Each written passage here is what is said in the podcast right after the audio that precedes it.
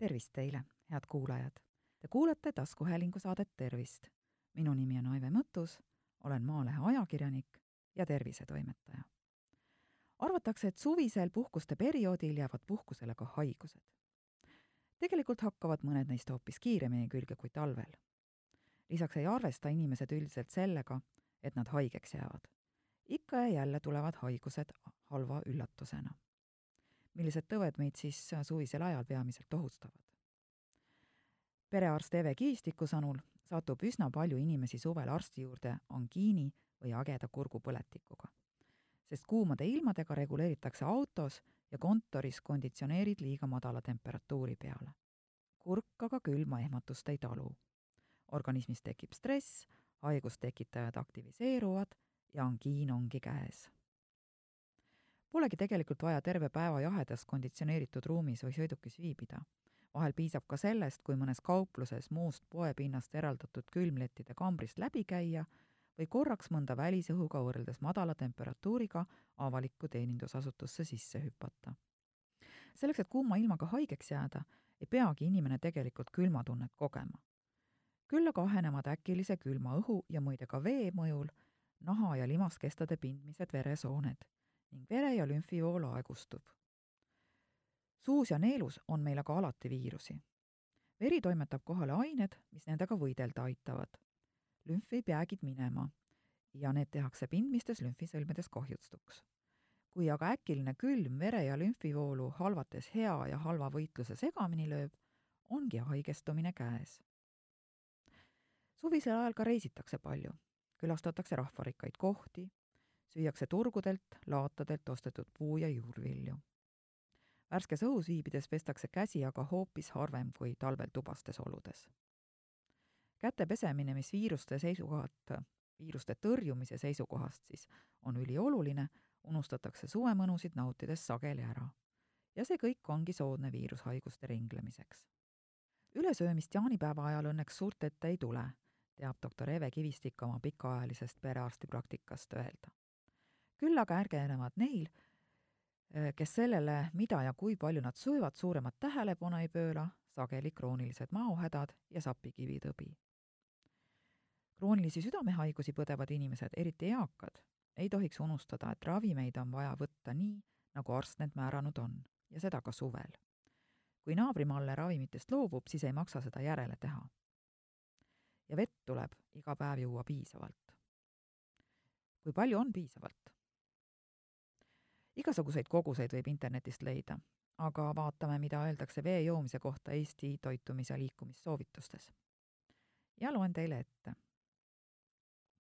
vee vajadus sõltub mitmetest füsioloogilistest ja tegevusega seotud asjaoludest, vanusest, töö ja tegevuse iseloomust, tervislikust seisundist, kliimast, suurenenud higistamisest, näiteks kuuma ilma ja raske kehalise töö korral, tarbitud soolade kogusest ja teistestki teguritest täiskasvanutel on veevajadus kõikidest allikatest kokku kakskümmend kaheksa kuni kolmkümmend viis milliliitrit kehamassi kilogrammi kohta päevas. praktiliselt kõik toidud sisaldavad suuremas või vähemas koguses vett. kuidas päevane veevajadus kaetakse? võtame näiteks seitsekümmend kilogrammi kaaluva inimese. kogu vajadus tema puhul on siis seitsekümmend korda kolmkümmend üks milliliitrit ja kokku teeb see kaks tuhat ükssada seitsekümmend milliliitrit ehk umbes kaks koma kaks liitrit. toitumissoovitusi järgides saadakse toiduga umbes liiter poolteist vett, seda siis puu- ja köögiviljadest, suppidest, teest, kohvist, mahladest, muudest jookidest. lisaks tekib aineväetuse käigus ligikaudu juurde kolmsada-nelisada milliliitrit vett. ja kui me nüüd need keskmised arvud siis tuhat kakssada viiskümmend pluss kolmsada viiskümmend milliliitrit lahutame maha veevajadusest, mis oli kaks tuhat ükssada seitsekümmend milliliitrit, siis on vahe viissada seitsekümmend milliliitrit. seega võiks toitumissoovitusi järgi täiskasvanu, kes kaalub seitsekümmend kilo, vedelikuvajaduse katmiseks juua päevas lisaks kaks kuni kolm klaasi vett.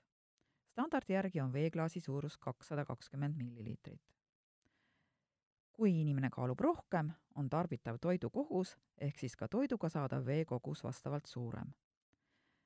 ja no alati tasub mõelda sellele, kas teie olete see toitumissoovitusi järgiv inimene.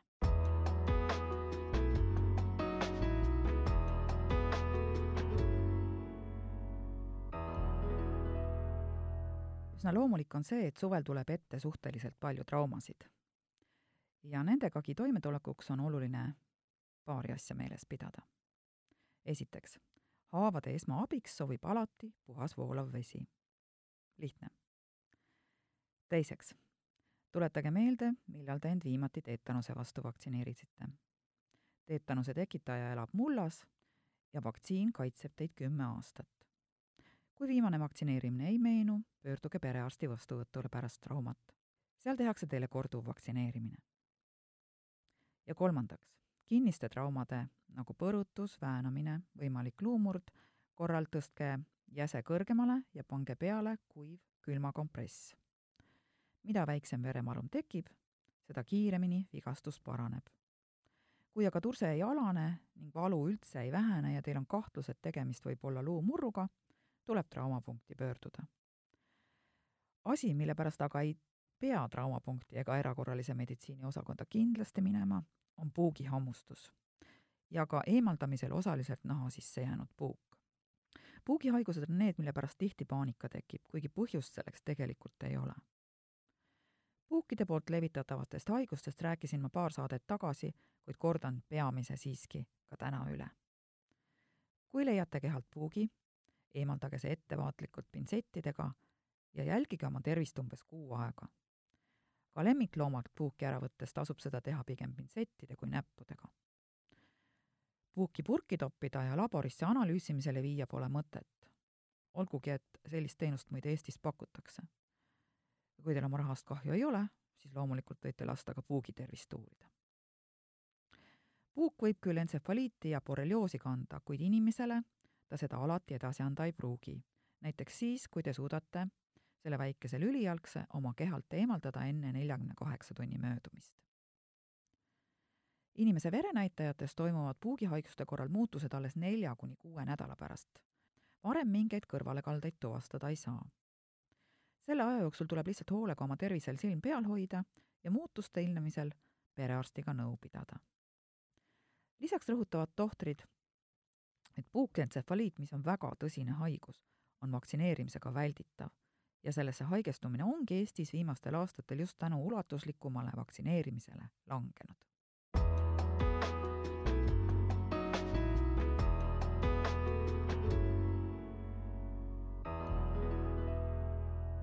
järgmine suvetõbi, mis paljusid alatihti tabab, on kõhulahtisus.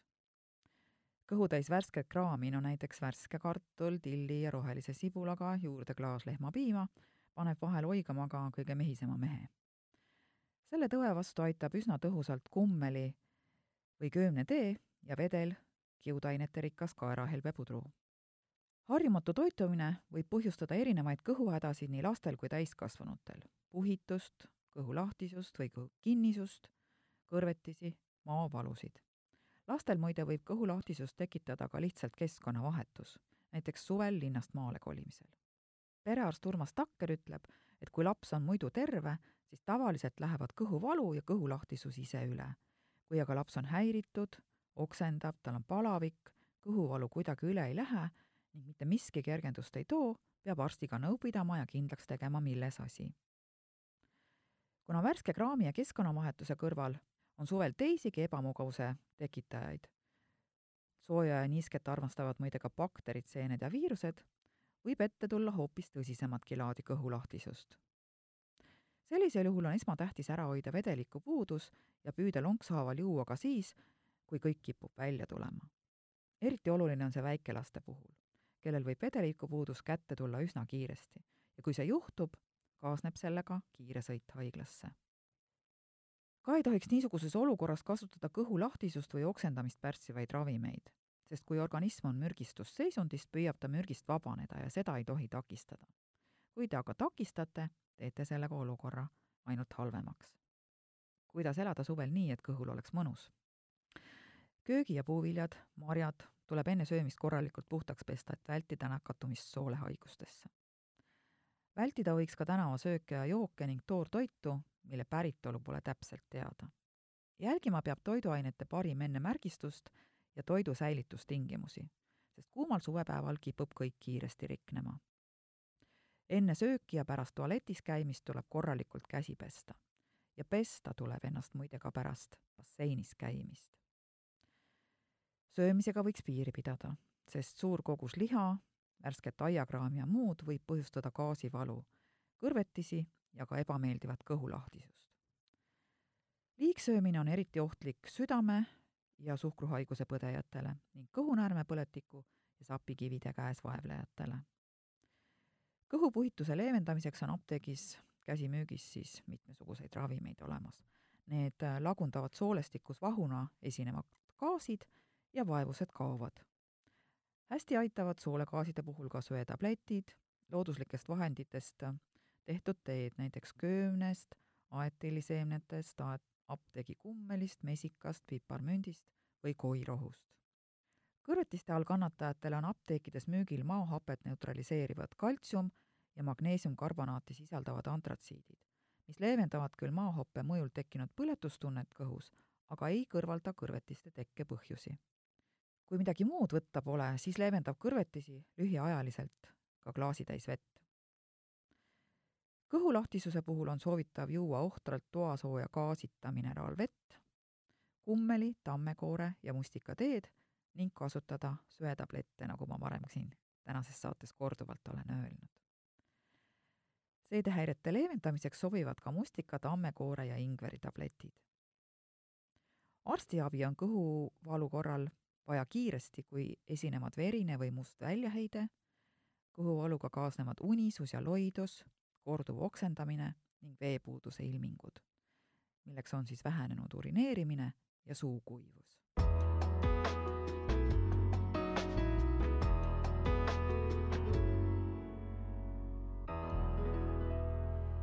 Kuidas kuuma ilmaga toime tulla? müts pähe, veepudel ligi ja siesta päevaplaani. nii elate kuuma päeva kenasti üle. ega siis lõunamaalased siestat ehk pausi igasugustest tegevustest päeva kõige kuumemal ajal asjata välja mõelnud pole. üle tuleb vaadata ka riietus. sünteetika jäägu koju kappi, mõnus on kanda puuvilla ja linast, rõivad olgu mitte liibuvad. kell tuleb olla otse päikese käes, see peaks katma keha õhukese, heleda, õhku läbi lastva riietusega, et päikesepõletust vältida.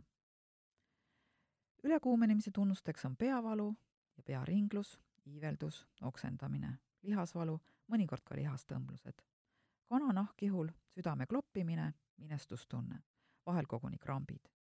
inimene võib näida ka segane, ebaadekvaatne või pole kannatanu enam äratatav ja tundub magavat. Kuidas esmaabi anda ülekuumenemise korral? kui tunnete, et enesetunne on halb, minge kiiresti varjulisse jahedamasse kohta või pistke pea külma vee alla.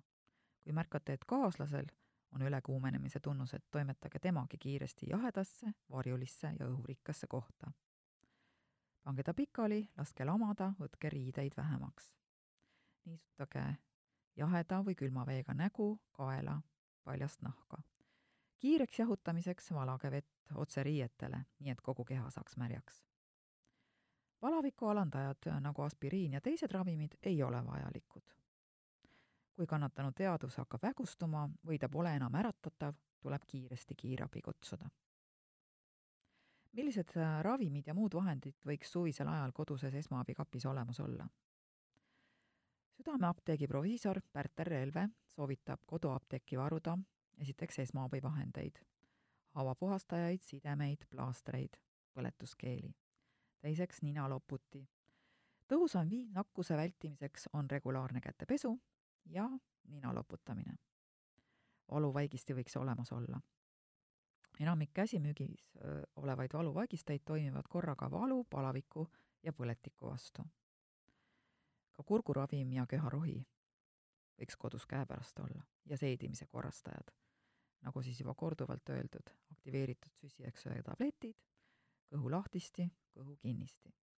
lisaks ka spetsiifilised ravimid, mis sõltuvad inimesest näiteks allergia ja ohatise tarbeks. seega, nagu kuulsite, on kõik tavalised nii-öelda suvetõved targa tegutsemise korral täiesti kenasti välditavad. head kuulajad, te kuulasite taskuhäälingu saadet Tervist. Saate leiate Delfi podcastide pesast tasku, nutirakenduste Spotify, Apple Podcasts, SoundCloud ja teised. hakake jälgijaks ja kuulake just teile sobival ajal. ettepanekuid teemade kohta, mida saates käsitleda, ootan e-posti teel aadressil tervist.maaleht.ee. minu nimi on Aive Mõttus, olen Maalehe ajakirjanik ja tervisetoimetaja. tervist teile!